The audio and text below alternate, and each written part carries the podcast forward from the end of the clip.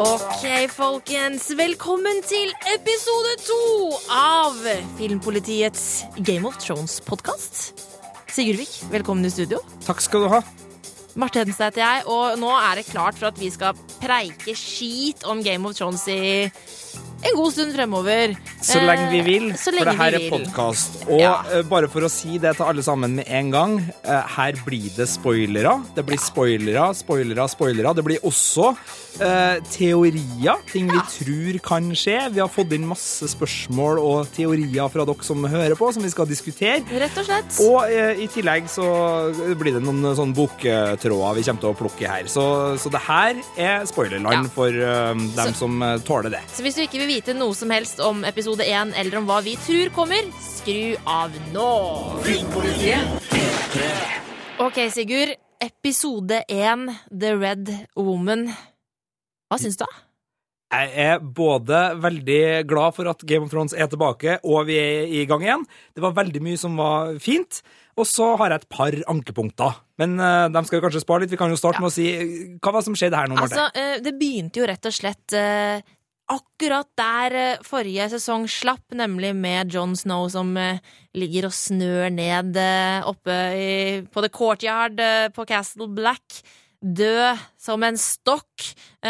Ghost hyler og skriker. Davos kommer ut for å sjekke hva er dette greiene. Morrasfugl, han Davos der. Ja, ja, ja. Han løkringen som jeg kalte den tidligere, eller løkridderen, som da skal være real. Han var oppe i rett tid. Ja, han var oppe i rett tid, finner altså Jon Snow liggende der, og får da båret ham inn på et eh, rom, eh, og vi får da se etter hvert eh, hvordan, hvordan Ed og Davos og et par andre lojale menn vokter over liket til Jon Snow, mens da sir Alicer og resten av gjengen banker på døra. Jeg likte måten eh, Sir Alistair bare owna hans forbrytelse på. Bare sa sånn Ja, det var jeg som gjorde det. Det var jeg som gjorde det. Og de andre rundt meg. Ja. Det gjorde vi fordi Og så var det en utrolig dårlig unnskyldning, så den Ja. funka ikke. Men jeg likte at han tok på seg ansvaret. Og så likte jeg veldig godt uh, måten både Ed og Mhm. Davos kommer unna på den her. Altså, det er så mye kult. Altså, Davos som bare ser på mengden blod som har rundet ut av Jon Snow, og liksom tar litt sånn lette Han eh, skjønner at her er det Ja, eh, her- farlig for ferde. ser ikke bra ut. Ser ikke bra ut. Og Ed som bare øh, Dem som har lyst til å overleve denne Ja. natta, har valgt feil Ja, rom. If you're planning to see tomorrow, you picked the wrong room. We Konge, all die today. Og så bare sånn, ja, jeg er så lojal at jeg er villig til å dø for John. Og det var, det var veldig fint. Ja. Det var det. Og så, ja, så hele den greia, alt som foregikk på The Wall, to tomler opp fra Mm. To meg. Likte det godt. opp. Uh, vi kan, uh, altså, uh, skal vi spare Melisandre til slutt? Ja, vi tar slutt? Melisandre blir Ja, en egen okay, ok, ok, ok. Men da beveger vi oss litt nedover til Winterfell. Der fikk vi jo se Bolton-gjengen igjen, og jeg ble litt overraska over at Ramsay faktisk var litt lei seg over at hora hans var død. Ja, du tenker på hundemesterens datter? Yes! Ja, det skjønner jeg jo, for at øh, de var jo på en måte tvillingsjeler i sitt sadistiske virke. Eh, Det er jo ikke så mange kvinnelige sadister i Game of Thrones. Det er mange kjipe damer også, men hun var jo en av de virkelig altså På mannefronten så har vi jo broren til Deneris, vi har hatt Jeffrey, vi har hatt uh, Ramsay Bolton, men der, hun var jo en av de virkelig sånn Ja, sadistdamene. hun likte å plage både Theon og Sansa som bare det. Ja, og så er det godt å se at også sadister uh, liker hverandre, savner hverandre og er glad i hverandre, sjøl om avslutningssitatet 'Skal vi brenne eller skal vi begrave?' Ja, Nei da, dere er godt kjøtt, dere liker hundene. Ganske rått. Ja, men sant, altså, greit, Hun er jo dau, Ja. sånn at jeg skjønner jo det. Altså, nå, han var glad i henne da hun levde, nå er hun dau. Ferdig med det. Ja. Men eh, det var jo da Altså, det er jo da Sansa og, og Reek slash Theon som er på rømmen fra Ramsay, og eh, jeg og er litt overrasket over at de tydeligvis ikke hadde noe vondt i beina etter det hoppet eh, fra veggen Enig. Jeg har- rundt Winterfell. Ramla ned fra noe hyttetak og sånn opp igjennom, og det pleier å sitte i Altså- en liten stund, og det er atskillig Altså, lavere. jeg, jeg har klatra over noen høye gjerder, og bare det å hoppe ned på andre sida da, så får du litt sånn vondt i anklene. Ja, ja. Eh, I hvert fall har- de skjøre anklene til Theon, som bare har vært eh, flådd og flådd og flådd, regner jeg med, Men- i siste året. Det gikk tydeligvis helt fint, men eh, det som jeg syns var trivelig, var jo at eh, det skjedde noe, noe koselig for en gangs skyld, nemlig at Brienne rett og slett eh, fant og redda eh, Sansa og Theon.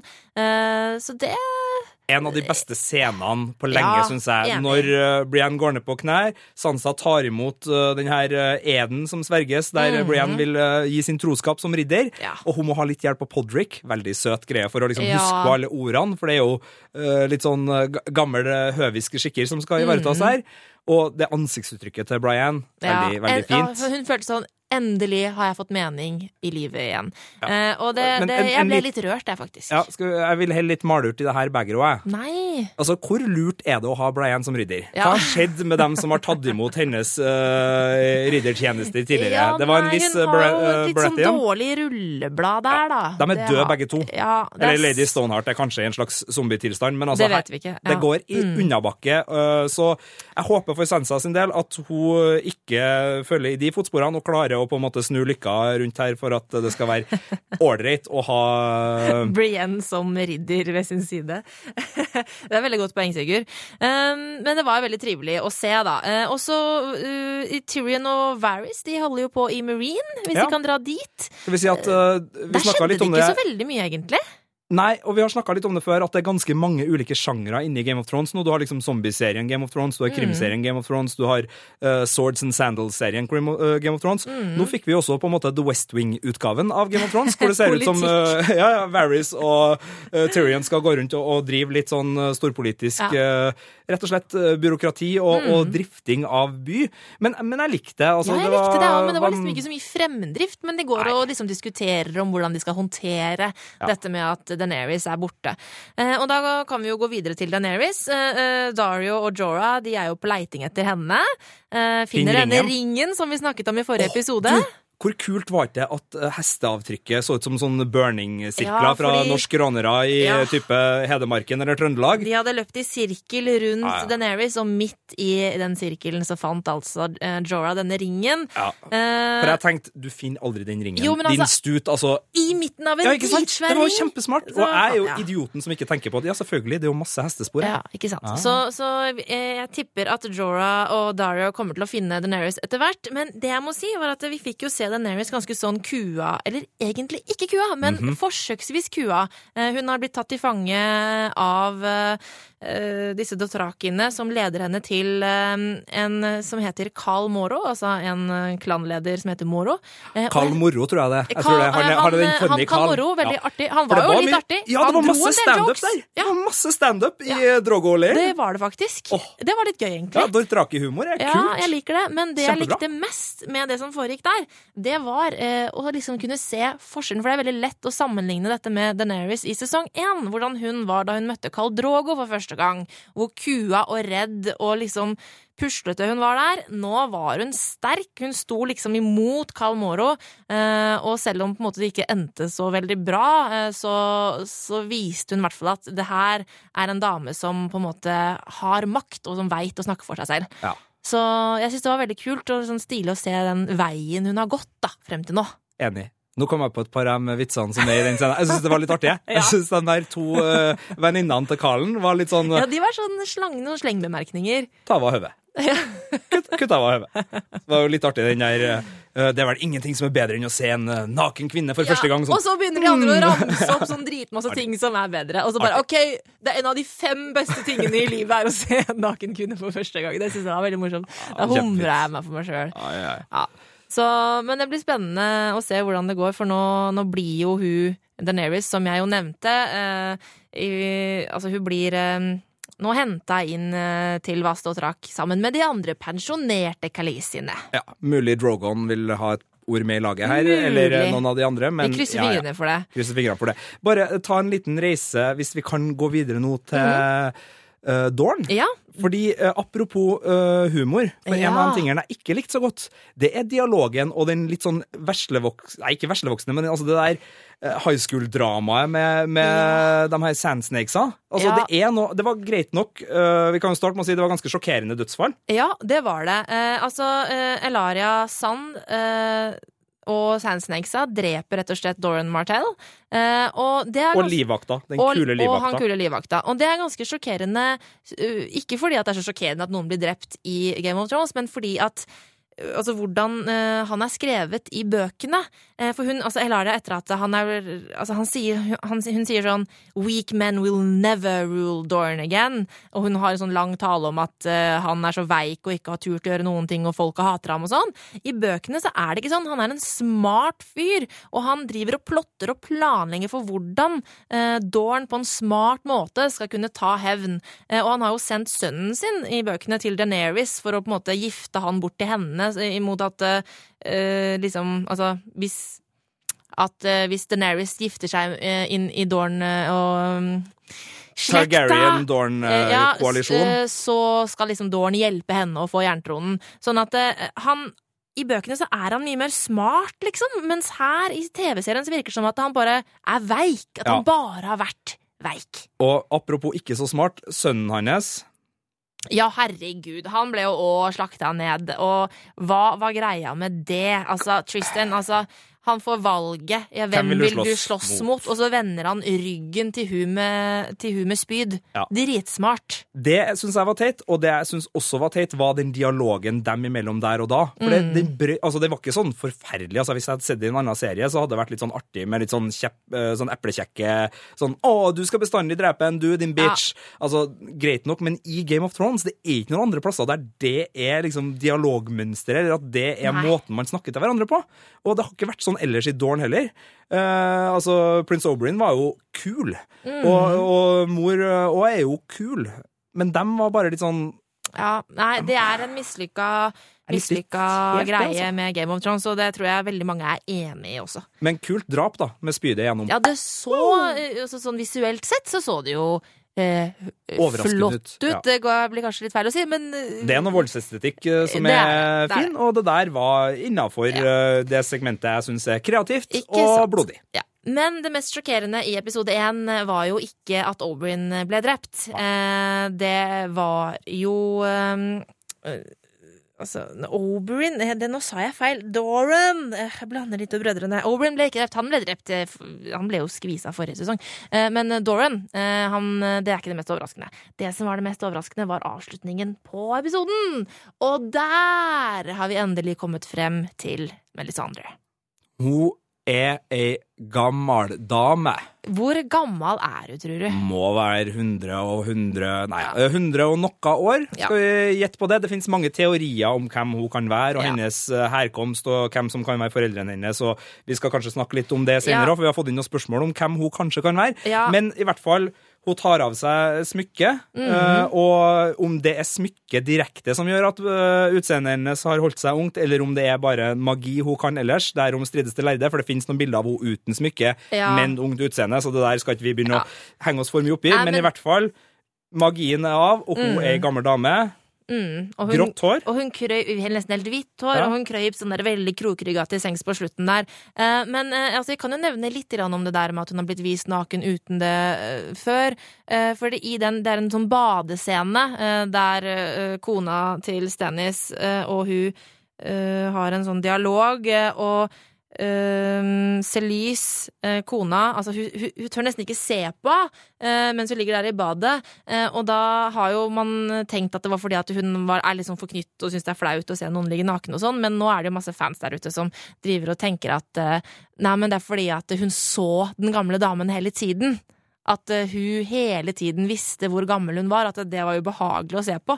Uh, fordi hun, eh, Melisandre i den scenen driver jo også og nevner at hun bruker masse liksom, potions og triks for å skape illusjoner, så det kan jo hende at det ligger noe der. Men, men det om det er en kontinuitetsfeil eller ikke, eller om det er en plan ved det hele, det, det gjenstår å se. Jeg får sånn uh, 'These are not the droids you're looking for'. ja. at, at, hun bare kan liksom sånn, sånn er en ung kvinne. ja. og, og, den scenen med John Snow hvor hun setter seg naken i fanget hans, ja. skal liksom fra forrige mm. sesong får jo en uh, Se for deg, å herregud, se for deg du gamle dama nå i fanget på John Snow. Ja, ja, ja. ja. Godt åtten Snow, det. Hæ? Rea, altså, hun var, Oi, søt, gammel dame. Nei, hun var litt trist, gammel dame. Ja, hun var litt trist. Ja. Uh, og, og, men det viser jo liksom også hvor uh, lavt nede Melisandre er nå. da. Hun, ja. liksom, alt hun har trodd på, ja. har feila, liksom. Ja. Uh, og nå orker hun ikke mer. Det var det inntrykket vi fikk. Uh, men da er det også oh, Jeg må bare dra inn Sorry, altså, Sigrid, jeg må bare dra inn litt mer fangreier. For jeg, jeg, har hørt at Det var jo noe med han godeste The Red Priest, altså Thoris of Myr, Ja. at eh, da han fikk sine eh, gjenopplivelseskrefter, eh, var da han hadde mistet troen sin og var på sitt laveste. Så hvem vet hva som kan skje med Melisandre nå? Jeg syns det der er en fin teori, og så finnes det jo mange teorier om hva hun skal gjøre med Jon Snow. Mm. Noen mener jo kanskje at, at hun ga bort veldig mange av sine år, Mm. og at det er år som Jon Snow skal få øh, det her. Det tror ikke jeg så veldig på. Men det er litt sånn prematurt. Ja, hun blir gammel før ja, hun gir bort barna sine. det syns jeg er rart. Men at uh, hun, hun er jo fremdeles uh, sammen med, med gjengen og, Mm. og kan gjøre ting. Og det finnes mange teorier. Skal Jon Snow brenne? Skal Jon Snow innom Ghost og tilbake til Mm. menneskekropp? Eller, altså, vi vet jo ikke hva som skal skje her, men at noe skjer med Melisandre. Og at hun har jo sett for seg Jon Snow ved Winterfell. Så. Bastard Bowl er jo på alle måter på en måte on her, i forhold Mm. til at Ramsay og John uh, kanskje skal få, få, få sin battle. Mm. Muligens også med Sansa. Det håper vi jo kanskje litt på. Eh, men, eh, men at hun har drevet og sett Stannis og trodd at det var Stannis, men egentlig så er det kanskje John hun har drevet og sett i en del av de her flammesynene sine. For hun har jo ikke fått det til å stemme helt. Så, så det er nok en, en liten sånn følgefeil for Melisandre som muligens blir, blir plukka opp. Hun døver i hvert fall ikke i den eh, senga, det tror ikke Nei, nei, nei, det gjør hun ikke. Nei, nei, nei, nei, nei. Men Sigurd, vi har glemt eh, lille Arja eh, i Bravos. Eh, vi må jo nevne hun. Det var ikke så mye vi fikk se av henne, men vi fikk se at hun eh, øvde seg på å slåss eh, samtidig som hun er blind. Og der er da eh, vi inne i superheltdelen av Game of Thrones. Daredevil med eh, Arya Stark i rollen som Å, blind. herregud. Neida, nå tuller vi. Nå tuller vi. Hæ? Hvorfor har, ikke, hvorfor har ikke den tanken slått meg før du sa det nå? Det er det, kjempemorsomt! det er mange som driver og slår hverandre i hodet med den tanken Åh, på det, det store internett, Marte, men det er litt artig. Kan hun ikke få sånne de der, den, altså Hun har en, stav, hun har en litt lengre stav, da, men uh, Daredevil har også en stav som han slår med. Jeg snakker ikke om noen andre typer staver. Okay. Jeg mener våpenet. Det er, du snakker Ja, om det. Ja. Yep. Uh, men uh, Arja, det er som forventa. Ja. det, det blir en liten uh, utvida opplæring der, hvor eh, andre sanser skal styrkes. Eh, mulig hun begynner å varge inn i små dyr og sånn litt eh, videre her òg, kan jo være. Eh, Mhm. Hun har jo noen connections der, og det er jo noen eh, runder, så, så vi er spent der. Men eh, ja, det finnes noen kule fanteorier på Arja. De kan vi komme kanskje tilbake til en litt senere episode, når vi får, får sett litt mer av henne. Men foreløpig så tror jeg nok hun blir i Bravos og, og henger litt mer eh, sammen med gjengen der. Litt spent på om hun gidder å finne seg i dritten fra sin eh, medsøster, eller om hun kommer til å smelle tilbake, men det får vi jo se. Vi har også Kings Landing igjen, har ikke vi? Jo, det Ja. har vi. Eh, det har vi faktisk. Jeg, det er så mye som skal skje! For det er, sånn, det er så mange som jeg skrev i anmeldelsen min, brikker som skal plasseres ute på dette sjakkbrettet. Eh, eller som en på Twitter eh, påpekte, er det ikke risk du mener? For det er jo eh, kanskje litt mer riskaktig enn sjakk, eh, Game of Thrones. Eh, men uansett. eh, I Kings Landing så er det jo da Cersei og Jamie som gjenforenes. Eh, Tredje beste scenen i episoden var når Faktisk. Jamie bare drar på og sier Ja. fuck alt. Fordi eh, dattera eh, er jo drept av, eh, av gift, eh, så han kommer jo hjem med et lik. Og uh, Cersei er veldig nedbrutt, uh, og James sier sånn fuck them all, liksom, nå skal vi ta hevn som et helvete. Ja, jeg liker det. Mm. Eh, tar det liksom tilbake. Jeg så uh, På HBO så finnes det en sånn her eh, After the Show-serie nå, som er sånn halvtime snakke om After. Thrones eller noe After sånt. the Thrones, ja. Jeg så litt på det. Og det som er interessant der, som ble sagt, jeg syns ikke den var sånn kongebra, men, uh, men det var en del interessant der, er jo på en måte at alt av faenskap nesten som har skjedd i hele Game of Thrones, er på grunn av Jamie og Cersei. Du kan liksom finne Bran, uh, Arya alt, altså alt er liksom Det er øh, det uh, bror-søster-forholdet der som er roten til veldig veldig mye av det som har gått galt for nesten alle. Incest er ofte roten til en del ondt. Eh, det kan vi Ja, bare det- si med en gang. Skal, ja, det syns jeg. Vi, vi dømmer noe fælt nå, men OK, da. Vi kan, vi kan ta den der. Så, så beware. Ja. Eh, men um, for å liksom bare eh, det, var, det er mye positivt her. Ja. Men vi er jo ikke bare fornøyd. Jeg kan jo ta det jeg syns var litt kjedelig. Eh, nummer én, jeg syns episoden var litt kort. Jeg synes, hva var det, 47 minutter? Jeg hadde håpa på en litt bedre kunne lengde. vært, kunne vært, Kunne vært litt eh, lenger. eh, en time, da, eller? Fattigmanns innvending, det. Ja, kunne ha vært en time. Ja. Men det var nå bare det. Eh, Min, mitt andre ankepunkt er nok en gang en sånn brikkestart på sesongen. Jeg føler vi har vært gjennom denne progresjonsmåten flere ganger nå, hvor vi liksom ser noe spennende i episode fire og noe veldig spennende i episode åtte, og så er, så er det liksom den her sakte bygginga. Kan ikke du bare for en gangs skyld bare få liksom en skikkelig karamellpudding i første episoden? Noe som virkelig smeller. Det hadde vært fint. Ja, Har men- kanskje vært det på tidligere sesonger, men, men jeg merka sånn nå at det var sånn her Å ja, vi, det var liksom sånn bare mer slutten av sesong fem. Så Ja, skjønner jeg. jeg skjønner hva du mener, men samtidig så Og jeg var jo veldig sånn bastant i forkant av episoden at ja, vi må få se Jon Snow bli levende i første episode, hvis ikke så driter HBO seg ut og sånn. Gikk ut ganske hardt der. Eh, Men etter å ha sett episoden, så eh, Jeg ga den jo terningkast fire, og jeg syns det er en god Det er en god firer fra meg. Jeg, jeg syns den Altså jeg syns det var en fin start, og jeg syns den la opp disse brikkene på en god måte og på en måte klarte å bygge opp spenninga, eh, selv om det er på en måte, som du sier, den samme type starten som jeg har sett før. Ja, og så var det egentlig liksom Det var ingenting. Det var jo Melisandre, da. Ja, det var Melisandre, da. Og så var det Sansa og og Vi tok forresten skammelig feil på deathwashen vår i forhold til hvem vi trodde skulle dø. Ja, Vi trodde jo kanskje Altså, vi hadde Jamie, Brian eh, Ramsey og jeg husker ikke hva den fjerde var, men vi hadde jo fire gjetteforsøk, og så Ja. var det liksom helt feil. Det var, det- Snakes- Altså, i det- Dorn det ja, skjedde. det var i Dorn det skjedde. Ja. Så der tok vi skammelig feil, da. Ja. Et annet lite ankepunkt jeg har, er at jeg syns når vi har gått en hel sesong, en hel Game of Thrones-sesong uten Bran og Hodor, så forventer jeg Fytti rakkeren meg ta og få Bran i første episoden! Det- Ja, Men uh, den som venter på noe godt, vet du, Sigurd, Ja. uh, vi får han i neste episode. Ja, prøv å sky skyve julaften til 29. desember og se hvor mange venner du får, da! Altså, det skulle komme nå! Filmpolitiet På P3. Og det bringer oss videre til neste punkt på lista i ukas pod, nemlig Ukas shame! Fordi eh, jeg fikk nemlig en mail fra Anne. Ja, skal vi bare Ja. Skal vi starte med å forklare hva denne spalta er? Å ja, å ja, å ja. Ja. ok, sorry, sorry. Jeg, Ja. jeg, jeg, jeg, regner med at liksom episode to, alle vet alle spaltene vi har eh, i podden, men det Før gjør det med selvfølgelig ikke. Nei. Eh, ukas shame, det er altså da innslaget der vi tar for oss hva som var ræva med episoden som nettopp uh, har gått. Noen som som ja. Noen som fortjener fortjener, den fortjener der, men en Noen som fortjener å gå naken gjennom Kings Landing, det er teksterne for HBO Nordic.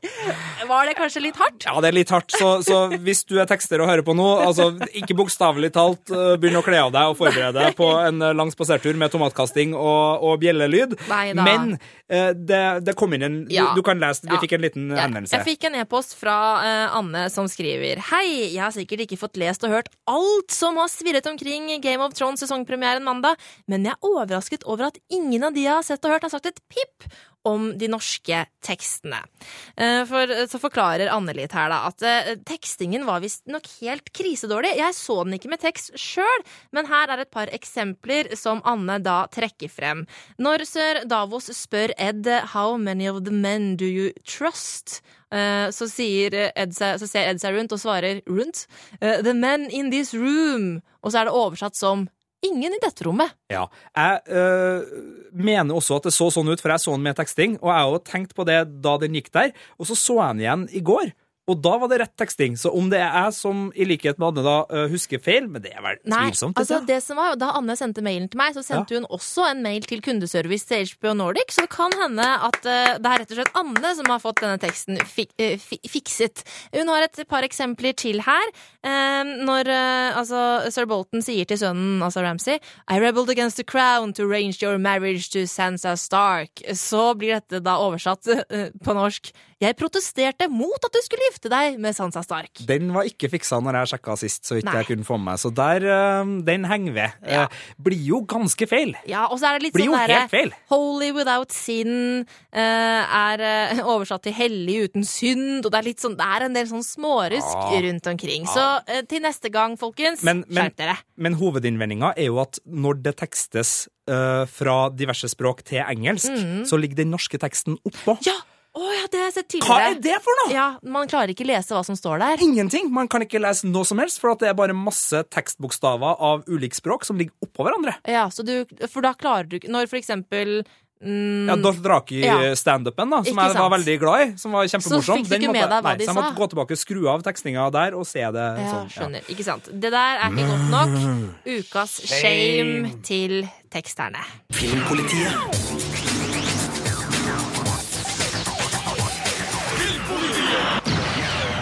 Men nå, Sigurd, skal vi over til noe litt mer trivelig, nemlig ukas drageegg. Og som alle med selvrespekt skjønner, så er jo det å få et eh, drageegg selvfølgelig en positiv Ja, ting.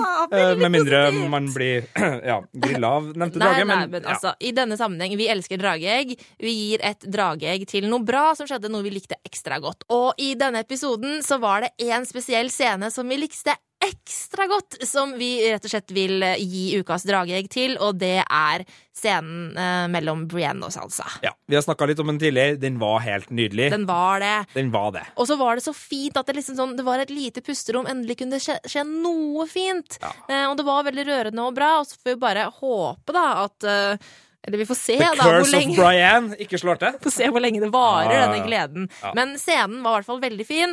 eh, så ukas drage går rett og slett til Brian og Sansa. Ja. Det var preiken om episode én, men Game of Thrones er jo ikke slutt. Episode to kommer jo allerede på mandag.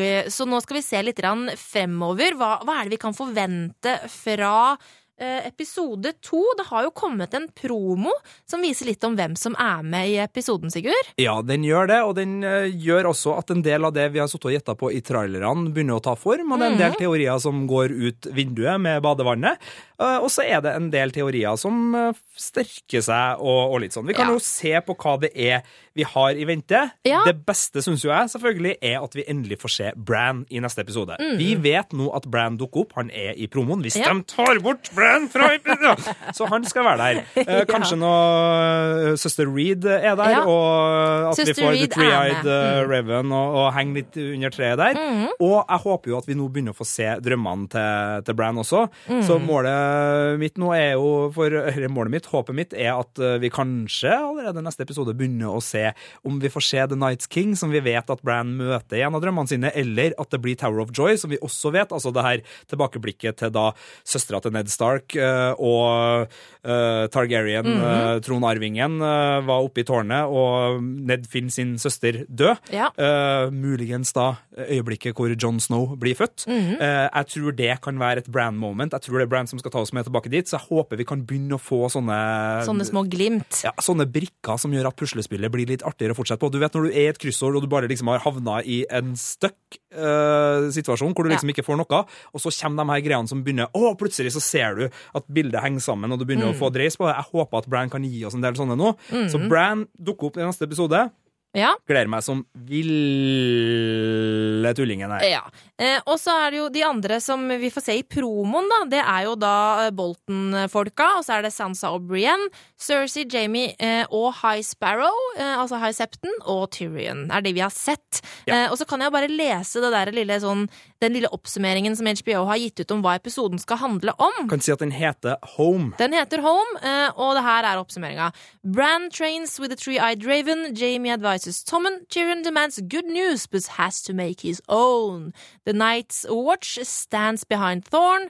Ramsay Bolton proposes a plan. Balen Greyjoy entertains other proposals. Der fikk vi jo ganske mye eh, svar, egentlig. Men uh, her er jo tekst og bilder litt forskjellig. Fordi ut fra bildene i promoen så ser vi at eh, eh, Sir Robert, som da er uh, The Mountain i ny zombie-versjon, sammen med Cersei, Ja, står mot noen soldater som sier at det er kongens ordre. Kongen er hennes sønn. Det må Ja. være en slags eh, mor-barn-konflikt her. jeg lurer på det, men og da, og da Kanskje det er etter at dette skjer, da, at Jamie advises Tommen. Ja. Eh, kan jo være. Slutt å stå i veien for mor di. Da blir hun grinete. Og ei grinete Cersei er trasig for store deler av kongeriket, så bare liksom Bare ro ned, tone liksom. greia. Og by the way, I am your father. Nei, han, han skal jo ikke si det. Sånn, men det kan si. Eh, så er det jo også det med Bolton. Eh, de har da eh, Ramsay Bolton som snakker om at Castle Black er svak nå. Ja, For de og- har jo hatt Wilding-krigen. Yes. Ja, Og han kanskje de har hørt noen rykter om at Jon Snow er Ja, og så hører vi eh, Han nevner noe om at she has been spotted et eller annet on her way north, og det er, regner vi jo da med at er Sansa. og han sier da at kanskje vi skal storme slottet. Ja.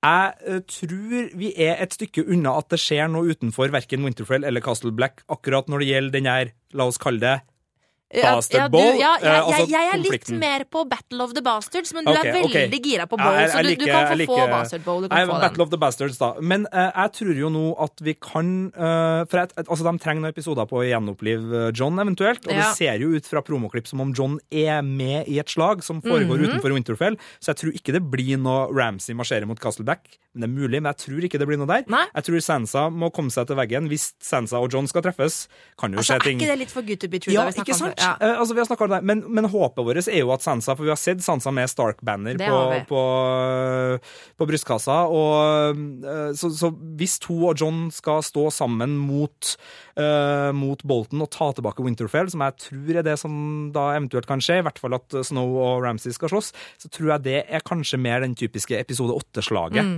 For det krever en del mobilisering. Jeg vil regne med at det skal inn noen wildlings eh, på, på sida her for å få en ordentlig hær. Og jeg tenker også at det hadde vært jævla kult hvis de for rundt til en del kongeriker, Davos eksempel, og fikk med alle dem som Bolton-gjengen har fucka. For de har jo tulla med så mange nå. Den eh, Bolton, de har jo liksom plaga, og de har jo på en måte ingen allierte lenger.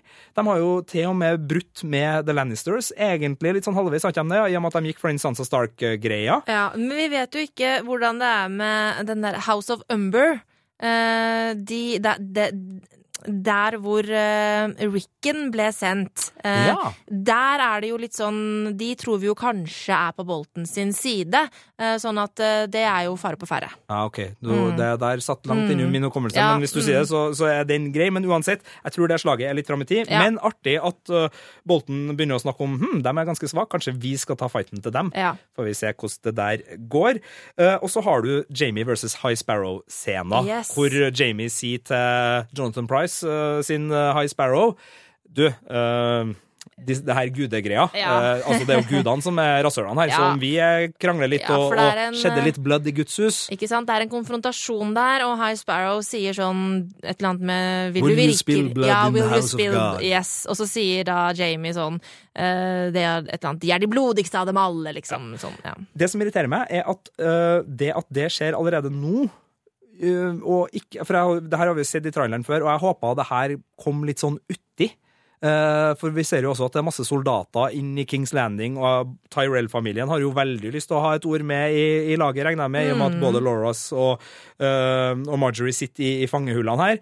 Så jeg er litt spent på liksom, sånn, hvor ligger konflikten her nå, og er det liksom en sånn ordentlig konflikt? Men altså grunnen til at jeg er litt deprimert nå, Marte, for du ser at jeg er litt trist, Ja, er litt er jo at det her ser hundeøyne. dårlig ut for meg og min store, våte drøm om Clegane Yes. Ja, for du ville jo at eh, Sparrowsen sine sin liksom champion skal være The Hound, som bor i kloster et eller annet sted. Ja. Som de bringer inn som sin champion, sånn at han kan eh, liksom slåss mot Cersei sin champion, eh, sir Robert Aka the Mountain. Jeg tror aldri det kommer til å skje i bøkene. Dette er jo en teori som er veldig populær på internettet. Det finnes masse YouTube-videoer rundt omkring. Bare kos dere med det hvis dere har lyst til å se. Men altså, i veldig korte trekk, The Hound er ikke død. Han er i et kloster. Uh, The Mountain er ikke død. Han er Sir Robert i zombieutgave. Disse er- to må møtes, Ja. Han er uh, Cerseys sin champion. Og så i og med at de er med av samme tro, så vidt jeg vet, uh, så da kan liksom High Sparrow bruke Mm. uh, The Hound som sin champion, og så blir det trial by combat. Men det er usannsynlig. Hadde vært gøy, men jeg tror ikke noe på det. Clegane Ball! Yeah! Men eh, vi må bevege oss litt østover, fordi traileren viser jo Tyrion nede Ja, ja, ja, ja, i ja, ja, ja, ja, ja, ja, ja. dragene. Og det vet vi nå kommer til å skje i neste episode. Ja! There be dragons here! Det gleder jeg meg veldig til. Vi har jo hørt eh, Tyrion si i tidligere trailer at eh, man bør ikke holde drager fanget. eh, Så man kan jo da kanskje tro at han er nede for å sette de to dragene som er der, fri. Men det som er greia, er at på slutten av den promoen så Jeg klarer ikke å se hvilken drage det er som blåser Marte da klarer ikke å se hvordan drage det er. Nei, jeg så ikke det. Herlighet. Ok, Sigurd, hvilken det, drage er det? Er en av de tre dragene. Ja. Og det er ikke Drogon. Uansett, som blåser da ild på Tyrion. Eh, og så så sånn, og her kommer vi til det som jeg tror er for godt til å være sant at skal skje allerede i episode to. Hvis eh, da Tyrion eh, blir liksom brent av disse flammene og overlever, så uten å liksom bli svidd, eh, så er han jo en Targaryen. Eh, og det håper jeg skal skje, men altså Skal jeg være, eh, skal jeg være nåla 2. som punkterer ballongen din nå, Ja. siden du er så skeptisk til min Clegane Ball? Ja, det er greit. Eh, Targaryens tåler ikke ild, sjøl om Jo. Daenerys gjør det litt når det er hennes drager. She's the mother of dragon. Ja, nei, nei, jo, nei, jo, jo. Hun Men satt i et svært bål Ja, vet, uten å få men en det- skramme. det er hennes drager. Hun er mother of dragon. Martin har sjøl sagt Targaryens er ikke immun mot uh, flammer. Han har sagt det. Altså, Du, nei! du, kan, det er Du må et ikke stole på hva den mannen Nei, nei, sier. Han være. lurer Men, oss. men jeg har en nål, og du har en ballong, og jeg har lyst til å Øh, nei, ok, Det er mulig, det er mulig at øh, det skjer, og at dermed da det viser seg at Tyrion er den siste ja. av det trekløveret, altså den trehoda Ja, dragen, der John og Daenerys og uh, Tyrion skal liksom Ja, få hver sin men, drage og hver eh, ja. Altså sånn For å stikke lufta ut av min egen ballong, eh, det kommer jo ikke til å skje i episode to at eh, Tyrion blir avslørt som en Targaryen. Men eh, jeg håper at det skjer noe gøy med de dragene, da. Det gjør jeg òg. Og det er mulig at øh, han tåler ild også, i forhold til at det er drageild og sånn, men jeg tror Altså, ikke gå bort Altså, alle dere som hører på nå, ikke begynn å bare tenne på folk som er Targaryens der ute, og tro at de tåler det. Eh, For det er ikke sikkert at de gjør. Nei. Eh, Altså, i hvert fall hvis det er vanlig ild du driver med, så, så be kind eh, Ok. to Targaryens out there, og ikke se om de tåler flamme eller ikke. Det er mm, slemt. Ja, det er greit. Det er greit, du skal få den, eh, Sigurd. Eh, Men ja, vi skal fortsatt litt eh, videre på hva som vi tror kommer til å skje. Fordi det har kommet eh, et bilde som er blitt sluppet som er om episode to, og det er et bilde av Yara. Yara Greyjoy. Ah. Som jeg konsekvent kaller for Asha i den forrige episoden av Game of Thrones-podkasten vår. Og det er fordi at hun heter Asha i bøkene. Så beklager hvis noen ble litt forvirra der. Yara og Asha det er samme person. Og Asha må da ikke forveksles med Osha, wildlingen som eh, hjalp eh, Bran. Eh, for det er jo sånn Altså, nå må jeg bare rante litt. For dette Osha hun er jo ikke en navngitt figur i bøkene. Det er en wildling der, men som da serieskaperne av Game of Thrones har bygd videre på og gitt navn og liksom sendt henne av gårde. Det er, det, dette skjer ikke i bøkene. Og så velger de å kalle henne for Osha. Og hvorfor gjør de det? Altså sånn, Når det er allerede en person i bøkene som heter Asha, hvorfor velger de å finne opp en person som heter Osha? Kunne ikke hun hett Yara, da?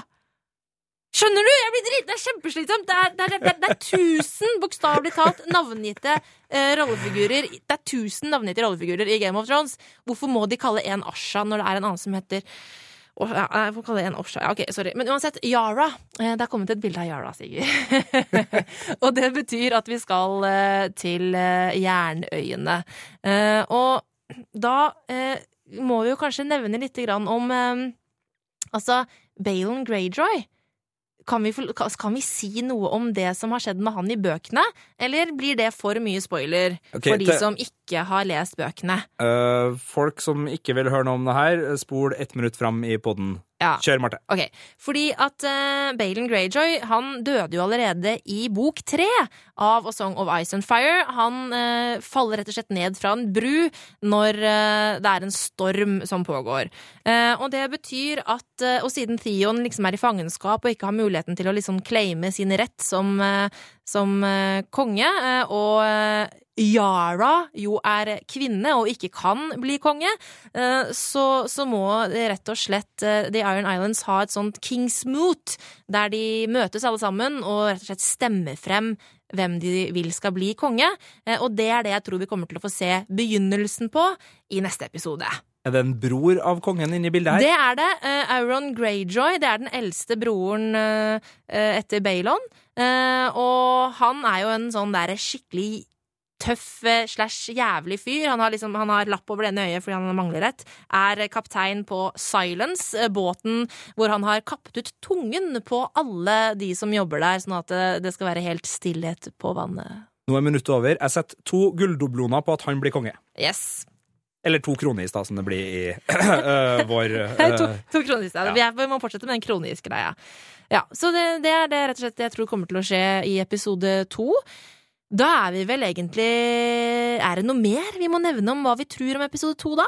Nei, ikke sånn umiddelbart, men det er klart uh, Jeg er veldig spent på hvordan konflikt det er ute i, ute i Kings Landing nå, for nå, nå, går det liksom litt i flere retninger. Og dessuten så har vi jo liksom også sett uh, Og vi, nå, nå, er jeg kanskje ute på ville veier, men vi har jo sett at Jamie sannsynligvis ikke skal være Kings Landing hele sesongen. Mm, han er jeg, et eller annet sted, ja. Ja, og så er det litt sånn Cersei er jo på et eller annet vis ferdig med sin greie, mens Tyrells-greia har igjen sin greie mot High Sparrow. Så hvem er det på en måte som skal slåss mot alle de her småspurvene som går rundt med tattis i panna og sånn? Det er jeg litt spent på. Eh, og så er det selvfølgelig også Tommen som er en viktig brikke inni her, i og med at han er lojal med både Cersei og Marjorie, så han mm. vil jo på en måte Og det er derfor jeg kanskje tenker at det begynner en ny konflikt der, da, eh, i og med at soldatene til Tommen stopper uh, Cersei og hun sier liksom 'get out of my way' og har med seg Sir Robert. Eh, så der er jeg veldig spent. Og så er det jo, eh, for min del av det store, er hvor skal Sansa? Eh, jeg håper virkelig at hun drar til Castleback, for det hadde vært kjempeartig å få den der litt godvibben igjen med at eh, Sansa og kanskje da en gjenopplivd John Snow kan fære eh, dit. Og, og sjøl om han er nå ferdig med sine løfter til The Night Watch på ett vis, i og med at han har dødd, så tenker jeg likevel ikke at John Snow har vel større fisk og, og fritter, holdt jeg på å si, enn å bli lord of Winterfell. Så, og han er jo ikke legitimisert som på en måte Ned Stark sin sønn. og sannsynligvis så er han jo ikke Ned Stark sin sønn Nei, han er jo ikke det. Så det at uh, Sansa eh, kan ta over uh, der, eventuelt hvis Rickon og Bran har lyst til å være med, og de skal ha sånn familievariant av det, det er jo mange muligheter her, men, men jeg liker litt sånn at Sansa tar tilbake Winterfell. Mm. Mer nesten enn at John leder den hæren, men, uh, men, det er vel sannsynlig at han nå skal være med her, så vi får det der Bastard Bowl, eller Battle of Bastards, da, om du vil. Filmpolitiet. Dette er P3. Podkastens neste spalte er Fan Theory Watch. Fan Theory Watch. Fan Theory Watch. Hva tror du den spalten handler om, eh, Sigurd Vik? uh, sånn cirka det jeg håper på skjer med Clegane Ball, men altså de kuleste, flotteste og for så vidt uh, sannsynlige fanteoriene som finnes der ute, om ja. alt. Det er ganske mange fanteorier der ute. Det er det. Det er masse YouTube-kanaler som er bøttefull av diverse usannsynlige ting og tang, og mm. masse sannsynlige ting og tang. Ja. Det er jo så mye som kan tolkes i både bøker og TV-serier, og symbolikk og alskens sånn, så det er jo masse å ta av. Vi har ja. de store fanteoriene, som er litt sånn her Hvem er John Snow egentlig? Og uh, litt sånn om Tyrion og Deneris og kanskje en trehoda drage og, mm -hmm. og, sånne ting. Og så har man de mer obskure fanteoriene, som kanskje min Claganeball da befinner seg i, samt ja. noen andre litt sånn smårare ja. ting og tang. Men det vi tar for oss i denne poden, da, det er uh, fanteoriene som du som hører på, har sendt inn til oss. Uh, du kan nemlig ta og sende oss en mail på filmpolitiet at nrk.no. Melding på Facebook, facebook.com slash filmpolitiet, eller Twitter eh, at Filmpolitiet. Er ikke det vi heter? Jo. Uh, sånn at uh, her har vi da fått inn en liten mail etter forrige pod fra si fra. Hege. Vi tåler også spørsmål, ja, spørsmål. og dilemmas der, altså. Så bare send oss hva som helst hvis det er noe som ja. kan diskuteres. Ikke sant. Og Hege hun, hun, hun sa, har sendt oss en melding hvor hun skriver Koser meg med Game of Thrones-podkast før sesongstart. Jeg ville gjerne slenge ut en teori ettersom dere har snakket om L pluss R er lik Eh, spørsmålstegn. Eh, eh, hvis John Snow virkelig er deres barn, ser jeg for meg at han rett og slett står opp når han blir brent på bålet i god Watchers on the Wall-stil. Og Hege, det der er jo en veldig populær teori nå om dagen. Det er jo mange som tror at nettopp det skal skje.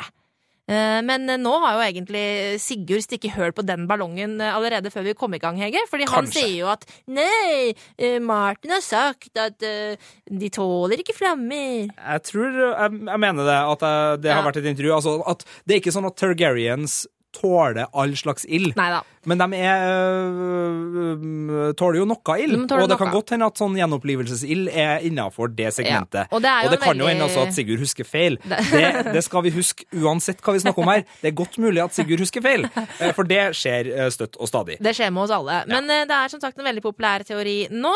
Men, og jeg har på en måte lent meg litt mot den teorien sjæl, men eh, etter eh, slutten på forrige sesong så tror jeg ikke vi skal avskrive Melisandre Nei, helt ennå. Men, men, eh, OK, hvis vi skal gå gjennom det sånn, den her, da, hvis vi skal spille ut den. OK. Det som må skje, er at Davos og gjengen må gi fra seg liket til Jon Snow. Don't think that's gonna happen, men OK, greit. La oss si at det skjer. Så de får liket. Og tar da liket og tenker sånn her Skal ikke bli noe White Walker Høyre, nei, så han setter vi fyr på, i Ja. tråd med tradisjonene. Så da er det liksom uh, sir Alistair og dem som brenner liket til Jon Snow. Og i stedet for da å fortæres av flammene, Så, Så reiser han han seg opp. Det er den ene varianten, og da er det Targaryen-blodet hans som på en måte reagerer på det her, og han You cannot kill the chosen one, og så videre og så videre. Det er en mulighet. Kanskje ganske usynlig. Mer sannsynlig er vel at uh, Melisandre finner ut at hun skal gjenopplive ham med et lite bål. Det, ja. Det er vel den på en måte mulige varianten her. Mm. At uh, måten å gjenopplive Jon Snow på, er å tenne på han. Mm. Det, det kan godt være. Altså, fordi, fordi da er det ikke bare ild, da er det liksom et, et rituale. Da er, Ja, det, ja. det ildmagi. Ikke sant? Og, så den, har den jeg mer med tro på. Den, er jeg ganske med på, så, så den teorien om at uh, Jon Snow, uh, nesten uavhengig av sitt Targaryen-blod, tenker jeg på et vis, men i hvert fall med det her Targaryen-blodet i, Mm. i årene, så er det helt plausibelt at uh, Melisandre velger ilden, for det er jo i ilden hun har sett Jon Snow utafor Winterfell, hvis jeg husker riktig. Mm. Håper jeg husker riktig. Uh, og sånne ting, så den kan skje. Og så har du den andre varianten som jeg er litt mer usikker på hvordan egentlig skal foregå, men det er jo den der Jon Snow uh, blir ghost Ja. en periode. Eh, for jeg tror jo at John Snow sin bevissthet er i Ghost nå. Det tror jeg òg. Ja. Men så er det liksom sånn How to get the Hvordan- boy back from the dog. Yes, det er det store spørsmålet. Den barneboka kan man jo skrive. Eh, ikke sant? Eh, så, så der ligger det et eller annet litt sånn uh, spennende, men jeg regner jo med at det her uh, løses på, på ypperlig vis. Og så er jeg veldig spent på, for det er jo ingen som kommer tilbake fra de døde som ser helt likedan ut som Og som er helt den samme. Ikke sant? Jeg tipper at han vil nok være litt endret etter å ha dødd, selv om bevisstheten hans har vært bevart i Ghost. Så det blir spennende å finne ut. Så uh, tre stjerner på den teorien. Eh, 50-50, tenker jeg. Om det Tre blir av hvor mange Nei, er seks stjerner. eh, tre av seks. Okay. Altså, nei, det var en dårlig Tre av ti Jeg vil bare si si 50-50 på den teorien, stiller jeg meg. For at Ja. det kan godt være at det er ild som skal til for å få Jon Snow tilbake igjen. Det er jo A Song of Fire and Ice. Mer enn nok is rundt den akkurat der nede nå, så kan det godt være at han trenger et lite oppkok. Men uh, ja, det kan også være en vargeprosess og forskjellige andre. Over til uh, neste innsendte mail. Det er Une som har sendt oss eh, følgende mail. Jeg elsker å spekulere i teorier. Eh, bortsett fra teorien om eh, J er lik R pluss L og Tyrion som Targaryen, er dette min favoritteori for tida. Spørsmålet dreier seg om hvem som kan legitimere Jon Snow. Og hvem er da bedre enn Howland Reed, han som var med Ned Stark inn i Tower of Joy. Eh, og det her er jo da altså Howland Reed, det, er, det var eh, Neds eh, på en måte aller beste venn, eller en av hans aller beste venner. Eh, og så er det da en teori som Una har sendt oss, eh, som ligger da på Wiki of Ice and Fire-greia. Um, eller ja, Song of Ice and Fire, Vestros.org er det det ligger på. Eh, som er da en teori som går på at Howland Reed, altså faren til Jojen og Mira, Ja. er The High Sparrow. ja. Det er en eh, teori, det. Det er en teori. Mm. Fordi eh, det har seg sånn at eh, Rob, i hvert fall i bøkene, sendte en beskjed om hjelp til Howland Reed, men det har man ikke sett noe til. Man har ikke fått noe svar derfra. Og den gjengen, den Reed-gjengen, mm. ut fra litt sånn bøker og forskjellige ting, er en litt sånn ikke kjip gjeng, men en litt, Ja, litt slu. sky litt- litt ja. slu. Litt Ja. sånn smart. eh, Litt sånn Jeg løser mine slagsmål med hodet og Ikke ikke, nevene. Ja, de er ikke sånn som stormer inn liksom guns blazing. De jeg vet ikke våpen, jeg vet ikke har eh, guns i Westeros, men eh, for å bruke det uttrykket, så er det ikke det. De er mer en sånn, en sånn gjeng som opererer i det stille. Ja, litt sånn uh, skitten under neglene og, og litt sånn Mud People-gjeng fra ut på andre kysten, eh, det der. Eh, Men eh, hvis vi skal underholde den, Marte, underholde den teorien, Ja. og si sånn OK, ok, la oss tenke. I så fall, alt det High Sparrow har gjort i Kings Landing, er jo å ta hevn over potensielle fiender av Det er det eh, jo. The Starks. Uh, og et av ankepunktene her er at han uh, det, er, det er en sånn tradisjon om at High Septon altså Det er jo det han, han er. High Sparrow er et kallenavn. Han er High Septon. Um, at den som er High Septon, skal på en måte velsigne kongen. Det, det er en tradisjon som har skjedd i en årrekke, at eh, han velsigner kongen. Det har han ikke gjort med Tommen. Eh, og i hvert fall i bøkene så er det en sånn dialog der, jeg tror det er i TV-serien også, eh, hvor Cersei på en måte klager og spør hvorfor har du ikke gjort dette, og så sier da High Septon jeg har, ikke, jeg har ikke nektet å gjøre det, jeg bare venter på den rette tida for å gjøre det. Eh, og da er det på en måte noen som tror at ja, han venter til den eh, sanne kongen skal sitte på tronen. Og så kan vi jo se på hvordan han er beskrevet i bøkene. Og da snakker jeg da om High Sparrow. I bøkene så er han beskrevet som en kort og tynn mann med håret i en knute på bakhodet. Eh, han har brune øyne og er sånn Man skitten liksom? type. Ja, litt Man sånn manbun. Oh. Eh, og, og sånn som disse Reed-folka ser ut, de er jo litt sånn korte og spe og tynne. Eh, og Mira er også beskrevet som at hun har håret sitt bak i en sånn knute. Um, sånn at eh, det, det er noen sånne likheter der. Uh, men uh, Reed-søsknene de har jo grønne og blå øyne, ikke brune, så det er noe som taler imot teorien, akkurat det med øyenfargen.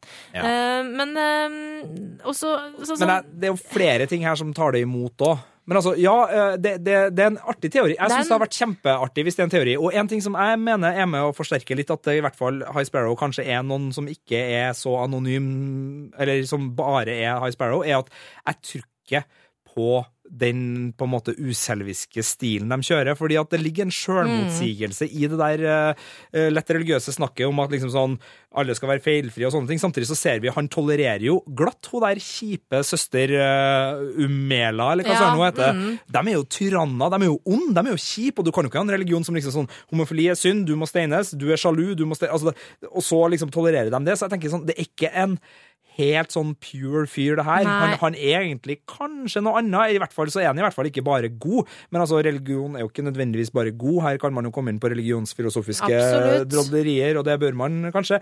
Men, men det er et eller annet sånn Når hun mora til Marjorie, altså gamlemor Tyrell, som er ganske smart og slu dame, som ikke hadde, no, ja, ja, ikke hadde noe problem med å sitte ansikt til ansikt med Tywin Lannister og, og komme ut sånn cirka akkurat eh, sånn at de var, var jevnbyrdige. Hun taper jo egentlig sin eh, ordduell med The High Sparrow ganske tidlig, fordi han er så from og bare liksom går fra og sånn Du er sikkert vant med å vite hva alles svakheter er, men jeg har ingen svakhet, og så videre og så videre. Men han har jo det. Ja, han må jo ha må jo ha det. Men det er en interessant teori, og det er en teori som jeg tror har en liten sånn eh, følgerskare. Eh, Det er eh, Fins egne videoer på, på internett, ja. ja, spesielt det om at uh, han har Septon slash Sparrow, at han er, virker Han er veldig vennlig innstilt overfor Ned Stark, og at han syns det var en stor synd at Ned ble henrettet på den måten han ble gjort. Uh, men det trenger jo ikke nødvendigvis å bety at han er Howland Reed. Men Og- ja, det er interessant. Jeg syns det er rart at ingen kjenner igjen. Altså, det er Ja, mulig det, man det er kan komme seg så gjennom. rart, og det, ikke? så rart fordi at de, eh, de Reed-folka de holder seg veldig for seg selv. Jo, men de han er- var jo med Ned, var ikke han? det? Jo, akkurat, men det er jo mange år siden. Jo, ah, jo ah, men lell, da.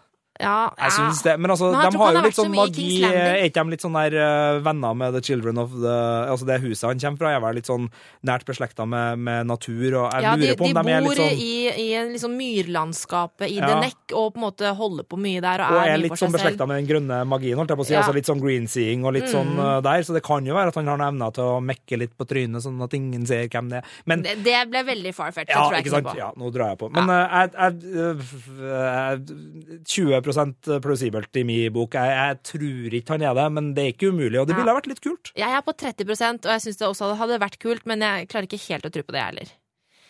Nå skal vi over til Svein Erik, som har sendt inn et spørsmål eh, til oss. Eh, hvilke tanker har dere om teorien om at Maggie the Frog og Melisandre er samme person? Det er kanskje en far-fetched teori, men de har jo vel en slags tilknytning til hverandre siden de kommer fra samme plass, nemlig Asai Essos. Eh, og for de som ikke husker hvem Maggie the Frog er, så er jo det eh, den heksa som, som ga altså Cersei som ung pike den profetien om at alt kommer til å gå til helvete. Ja, du skal bli dronning, men dine barn Ja. Eller, Men du blir aldri herskerinne. Jeg husker ikke den teorien, men det var i starten av forrige sesong. Mm. Så gikk Cersei som ung pike gjennom skogen, fant eh, da heksa Maggie the Frog, som Mm. var litt sånn her La oss eh, si at hun hadde ikke eh, vært veldig eh, dårlig plassert i en slags sånn 60-talls uh, rockepsykedelisk The Doors-dokumentar, hvor hun satt og hadde liksom sin egen lille hule og så litt sånn halvrusa ut.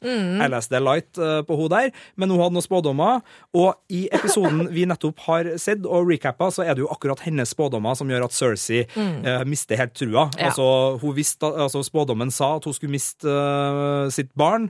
Eh, og Jamie var også spåmann plutselig, og hun gikk helt Så da, da er det, det er det Maggie the Frog sine spådommer hun, hun Ja. refererer til. Ja. Kan med en gang si jeg tror ikke på henne av den enkle grunn til at Maggie the Frog sine spådommer virker å være veldig tydelige og presise og treffer greia. Melisandre derimot, ut og høvler med Stannis, tar feil hele tida.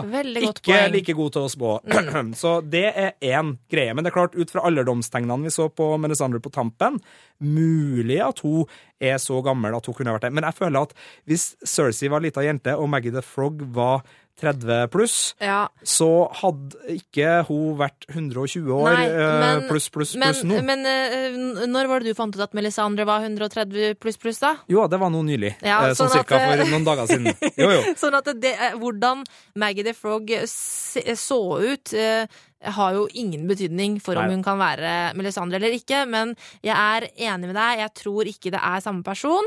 Vi veit jo at Essos er full av eh, prestinner som har magiske krefter, så jeg tror ikke det nødvendigvis betyr at alle prestinner fra eh, samme sted eh, er samme person. Nei. Rett og slett. Nei, jeg tror, jeg tror ikke på den, altså. Men den er, den er, den er, den er interessant. Altså, det, den er ikke umulig, men, men jeg også, eh, Maggie the Frog, ja. Jeg føler liksom ikke at uh, betydningen Nei, altså, er sånn voldsom hvor, nei, nei, fordi um, Altså, hvorfor skulle det vært samme person? Eh, det, er jo, det er alltid en grunn for ting. Eh, og George R. R. Martin alltid, han, han driver ikke og skriver inn ting i bøkene bare fordi det er en morsom sammenkobling. Eh, hvilke konsekvenser på en måte hadde det hatt om Maggie the Frog var Melisandre? Det har på en måte ikke så mye å si. Så jeg tror ikke noe på det, rett og slett, Svein Erik. Beklager. Det var det vi rakk av fanteorier denne gangen. Eh, Men vi har eh, fått inn en til eh, fra Andrea, som har kokt opp en teori angående White Walkers. Ja, og den er så den er nydelig. Altså bare, bare si det. Andrea har sendt oss en e-post som er uh, ganske så lang. En, en uh, jeg skal ikke si bacheloroppgave, men altså en bra lengde på den. Og den er full av detaljer og snadder og masse artig. Rett og slett så mye at vi må bare eh, lese gjennom den et par ganger til, bare for å, eh, å drodle litt på den, syns jeg, rett og slett. Eh, så hvis vi tar den neste uke Det kan vi gjøre. Eh, Da skal vi eh, dykke ned i hvem The White Walkers er, eh, ifølge Andrea. Filmpolitiet Filmpolitiet På P3. Valar Morgulis. eh, All men must die. Eh, Det må de antageligvis også i episode to av Game of Thrones. Eh, Vi er kommet til siste spalte i vår podkast.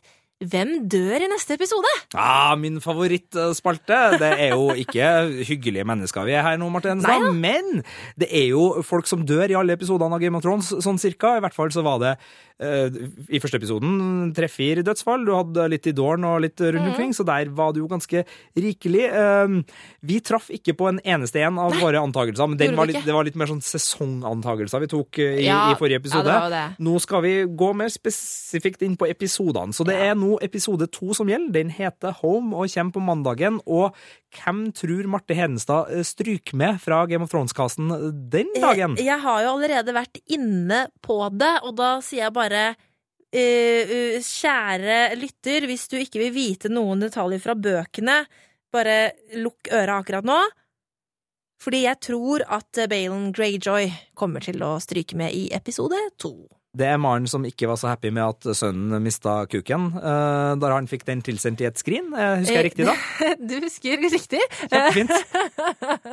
det hadde jeg faktisk glemt, akkurat den detaljen. Ja, nei, nei. Han er ikke en sønn hvis han ikke har kuk, sa han. Veldig mye kukfokus. Altså, Ja. Varys òg. Altså, Tyrion var jo slem med, med Varys. Så jeg Ja, drev og halvmobba han for at han har mista sine edlere deler. Ja da, ja da. Ja. Men eh, altså, jeg tror nok at det blir en storm eh, på Pike i neste episode, og eh, Balen faller nok ned fra ei lita bru der, altså. Tror du det er piraten Hadde- som uh... Jeg kommer ikke til å bli så veldig trist, for han er ikke akkurat en trivelig fyr. Ikke sjarmbombe, nei. Nei, han er, ikke, Nei, nei. han er ikke min beste kompis, liksom. Nei. Men tror du det er broren hans som kommer til å gjøre det?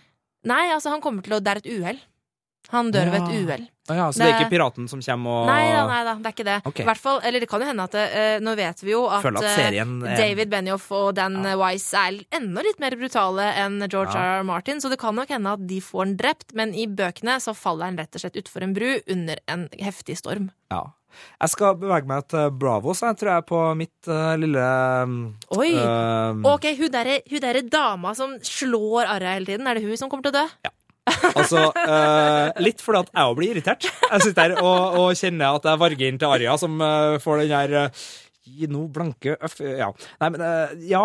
Altså, det er ikke veldig sannsynlig, men jeg bare jeg ser for meg? Altså, Arja er jo eh, en sånn Sånn sympatimessig, en sånn blandingsjente har blitt Hun er, hun er en morder. Hun er en Hun er morder, kaldblodig ja. Eh, kaldblodig morder, Kaldblodig morder, Som og slett. eh, dreper stort sett av hevn, og årsaker som er på en måte lett å stille seg bak som TV-titter og bokleser.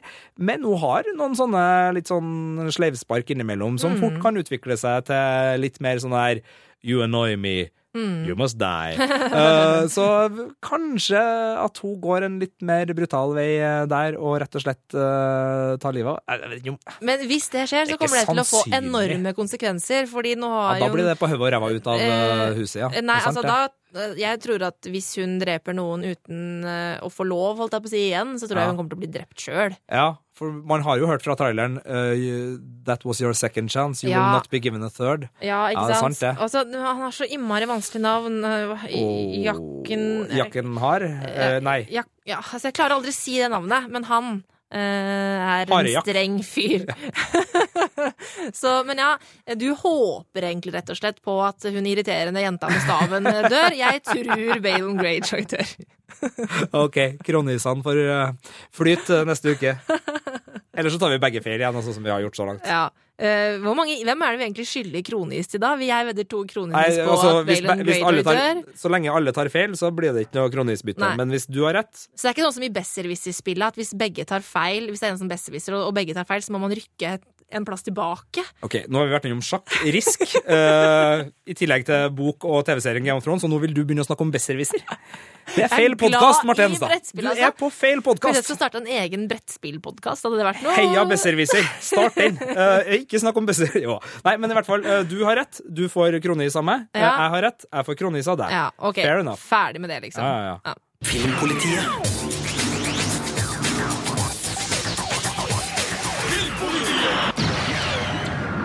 Ok, vi er ved veis ende. Um, imponerende hvis du har klart å holde ut sammen med oss. Uh, altså, altså, vi har jo rabla og eh, altså, preika skit i ganske, ganske lang tid nå. Men, eh, Kontorprat kunne den podkasten ha rett. kontorprat, men det er jo, vi håper at du syns det er trivelig å, å, å være med på denne praten vår om Game of Thrones. Eh, Og hvis du har lyst til å være enda litt mer med, så husk at du kan alltid sende oss eh, spørsmål eller teorier eller hva det måtte være. Eh, filmpolitiet at nrk.no. Eh, at nrk Nei, at Filmpolitiet på Twitter. Facebook.com slash Filmpolitiet heter vi på Facebook. Send oss en melding der. Eh, hva som helst som har med Game of Thrones å gjøre, kan du spørre oss om. Jeg er veldig gira på flere litt sånn ville fanteorier. Gjerne sånne som, eh, Som- George R. R. Martin kanskje ikke ville skrive, men som HBO kanskje er villig til å lage TV av. Åh, det er så mye artig som kan skje. Høres igjen neste uke. Hør flere podkaster på nrk.no podkast.